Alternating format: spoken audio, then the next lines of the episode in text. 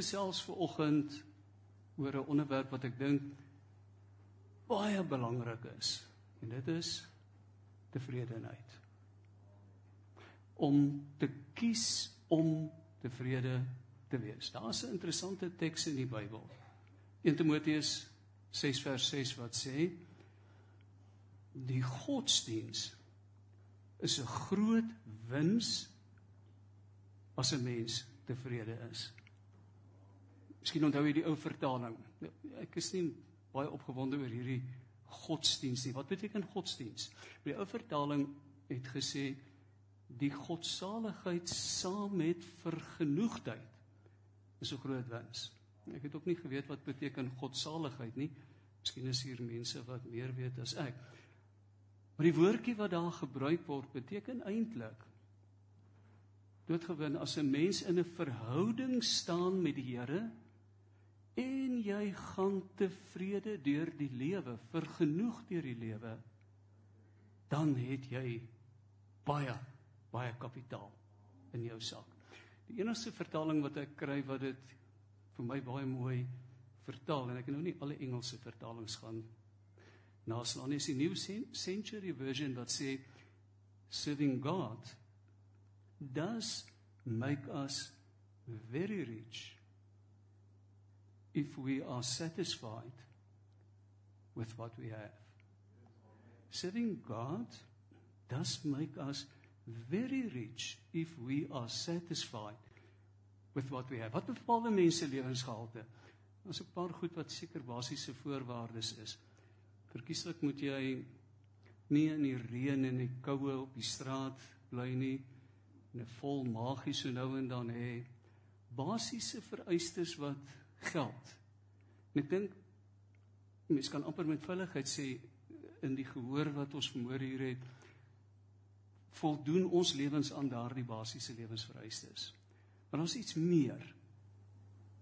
Daar's 'n keuse wat 'n mens moet, daar's keuses wat 'n mens moet uitoefen om goeie lewensgehalte te verseker. En een van die heel belangrikste keuses is om te kies om tevrede te wees. Ek het 'n vriend wat as jy hom vra hoe gaan dit dan sê hy ag man dit het beter gegaan toe my pa nog vir my gesorg het.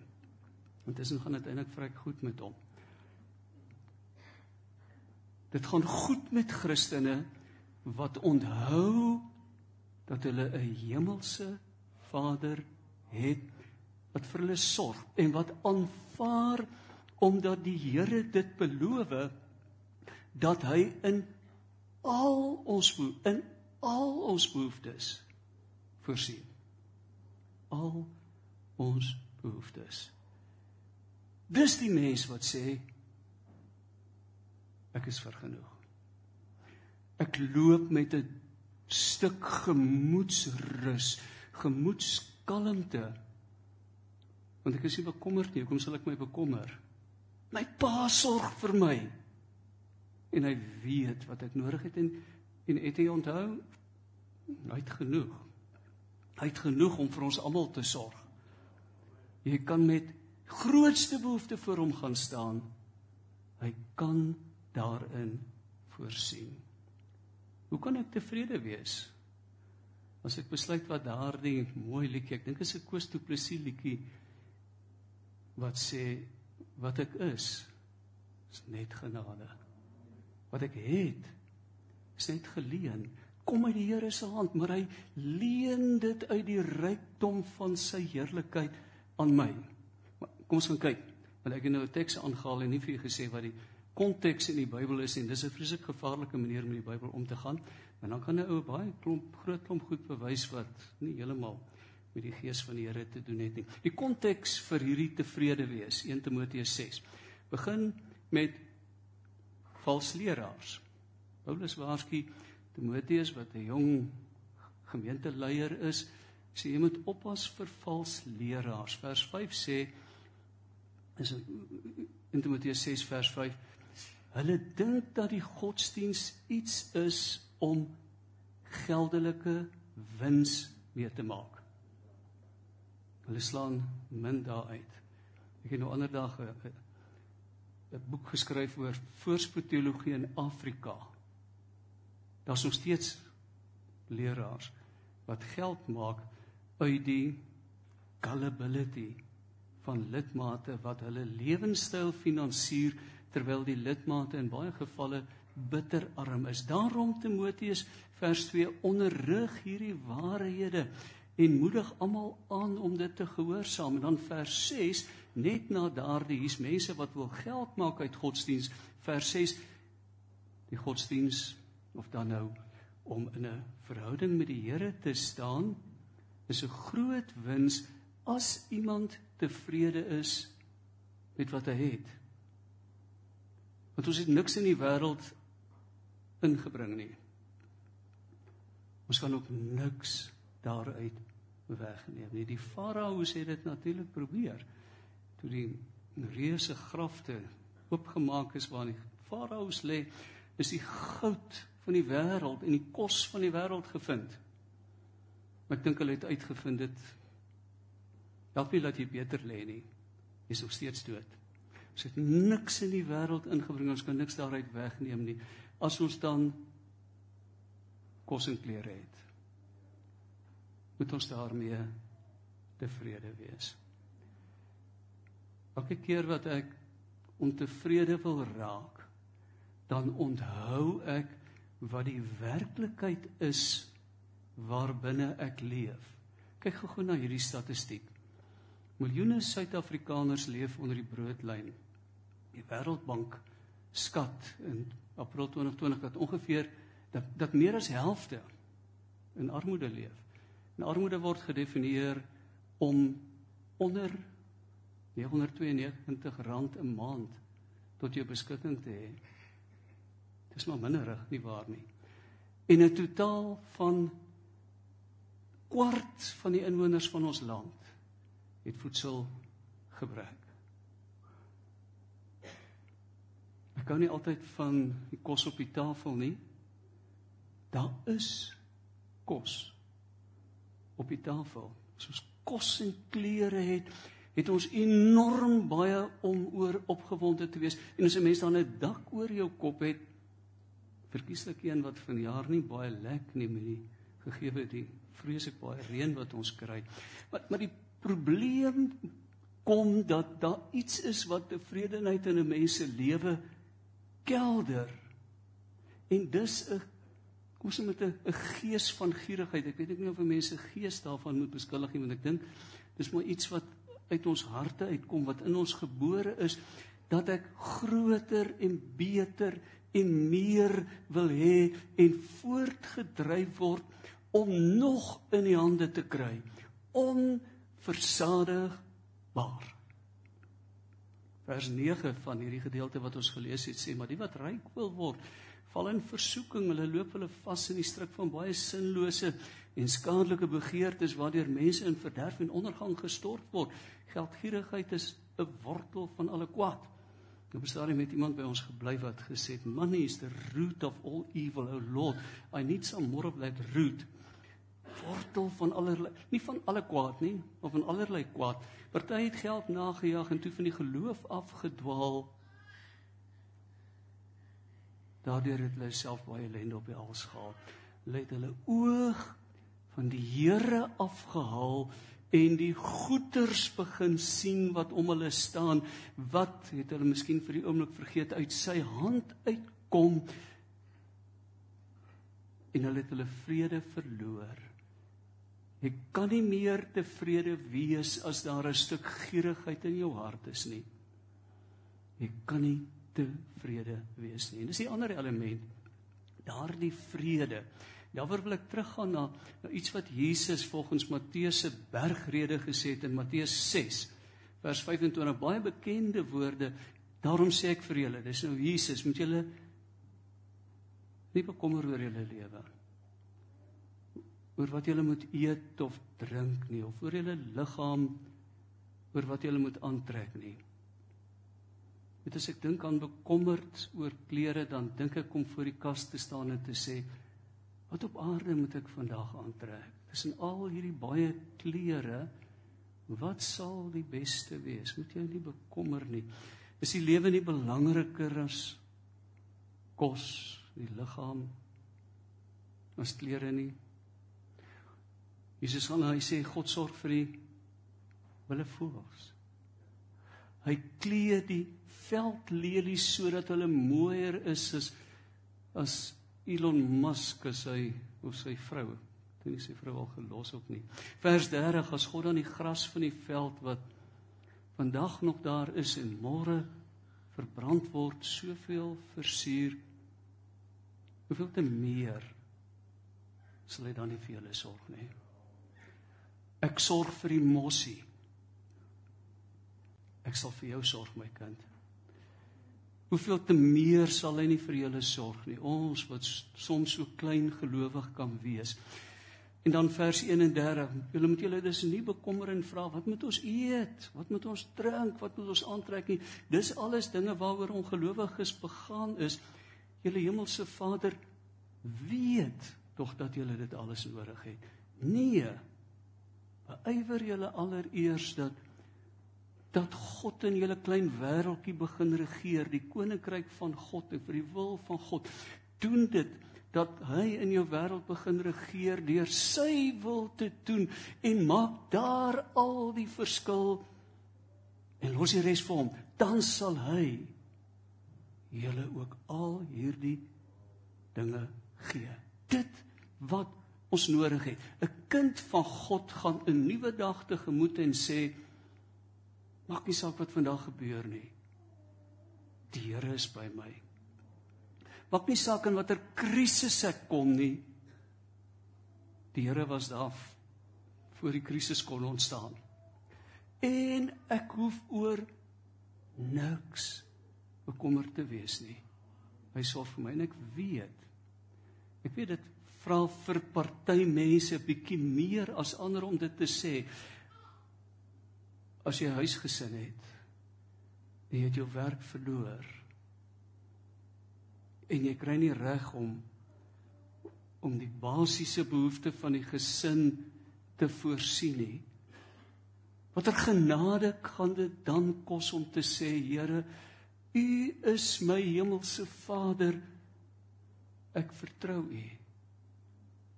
Maar ek weet ook daar is mense wat daardeur gaan en 'n stuk vrede in hulle hart het omdat hulle vertrou op die Here plaas. Dis is genade om daardie besluit te neem. Ek het genoeg. Die Here is vir my meer as genoeg. En dis 'n voorwaarde om met vrede deur die lewe te gaan, om bekommernis in jou lewe te besweer en te sê dit hoort nie. Want die Here is in beheer. Ek het geen bekommernis nie want die Vader sorg. Daarom tevrede het die element van vrede daarin. Vergenoeg het die element van genoeg daarin. 'n Vergenoegde mens sê die Here is vir my genoeg en dit wat hy vir my gee ook. En Luister nou hierna. Ek maak ook vrede met wie ek is. En met hoe ek lyk.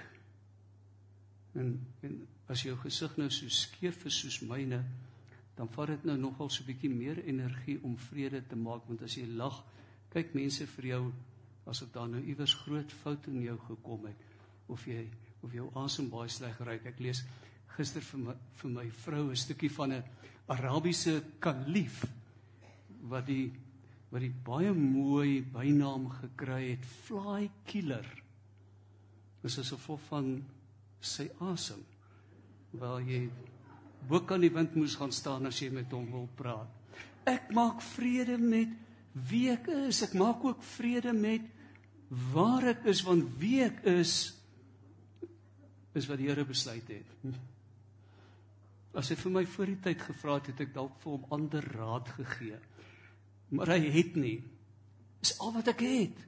Ek maak vrede met waar ek is want ek sê ek is waar die Here wil hê ek moet wees hierdie te huis waarin ek bly. Nou ek het nog net by te huise besoek, maar ek moet sê daar's baie goed aan te huise en en en baie mense in te huise wat ek dink my maklik sal kan frustreer. Hoe maak 'n mens vrede daarmee deur te besluit Here dis waar U my geplaas het. En ek is tevrede daarmee. Ek is tevrede met waarmee ek besig is en waar ek werk. Want ek sien u hand daarin. Ek maak vrede dat ek in die regte huwelik is.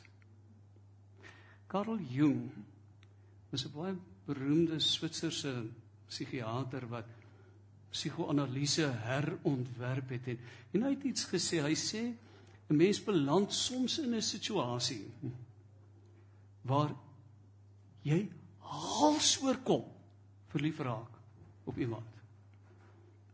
Ons mag nou nie meer sê iemand van die teenoorgestelde geslag nie, dis nou nie politiek korrek nie. Maar in elk geval, of jy ook al oombliklik vir die vraag, wat gebeur? Wat is die die die die sielkunde van wat daar plaasvind? Hy sê wat daar gebeur. Jy dra hier binnekant. Hy praat van die animus. Mamma, jy moet aan die knyp as hy nie wil stil sit nie. Kinders moet nie in die kerk stil sit nie, anders is hulle siek nie waar nie hy sê hier binnekant het jy 'n beeld. As jy 'n man is van 'n ideale vrou en as jy 'n vrou is van 'n ideale man. As jy 'n man is, het jy 'n animus, maar jy het ook hierdie anima. En die oomblik wat jy iemand ontmoet wat op onbewustelike vlak raak vlakke met hierdie beeld vorm, raak jy hals oor kop onsinnig en onredelik verlief en dan waarsku jou ouers jou en jy kan hulle nie hoor nie want dit wat hier onbewustelik gebeur is hierdie gelykskakeling tussen wat jy wil hê en wat jy gekry het. Is ag al wat jy moet doen trou net. Dan vind jy uit dat jy maar net 'n projeksie van die ideale op 'n feilbare mens gaan reflekteer het. En wat dan nodig is, is sy goeie raad. Gaan sit lank voor die spieël. Nou hoef ek dit vir baie vrouens nie te sê, hulle doen dit in alle geval. Maar gaan sit lank voor die spieël en kyk na jou eie foute en tekortkominge. Lank genoeg sodat jy kan opstaan en vrede maak met die feit dat jou lewensmaat nie 100% volmaak nie 80% volmaak dalk nie 10% volmaak in jou oë partykeer is nie. Maar foute en tekortkominge het. En onthou moenie skei van die persoon wat nie aan jou ideaal wil opleef nie want die volgende persoon wat jy trou gaan ook nie aan jou ideaal opleef nie. Byt vas. Here Ek het 'n besluit geneem. Miskien was jy 'n kind van die Here en het jy die Here gevra om jou te seën en en eintlik het hy jou gewaarsku hier binnekant, maar jy wou in alle geval nie oor jy wil nie eers hoor as jy so pa met jou praat of die dominee nie. Nou sit ek in hierdie huwelik. Ek glo dis wat U my wil hê. Ek glo hierdie klein goedjies wat U my gee wat my 'n klomp geld gaan kos as die nuwe jaar kom want dan wil die skool weer nuwe skoolklere kry en nuwe skoolgeld dat hulle uit U hand kom ek aanvaar hulle. En die feit dat hulle toe nou nie volmaak is nie Here is omdat daar so iets soos genetiese oorerwing is omdat ek nie volmaak is nie. Ek is tevrede met my kinders, ek is tevrede met my lewensmaat. Ek is tevrede met die huis waarin ek bly die bure wat my frustreer, die honde of die bure wat ek partykeer in die middel van die nag gewil gaan voer. Ek maak vrede met my lewe want ek sê hier waar ek is en wat ek is en wat ek doen is wat die Here my wil hê. Ek onderwerp my aan U. Er in plaas daarvan om te skop en te skree en dalk te vloek teen wat in my en om my gebeur wil ek sê ek maak vrede. Kom bereik u doel met hoekom ek hier is. Met wie ek is en met wat ek doen.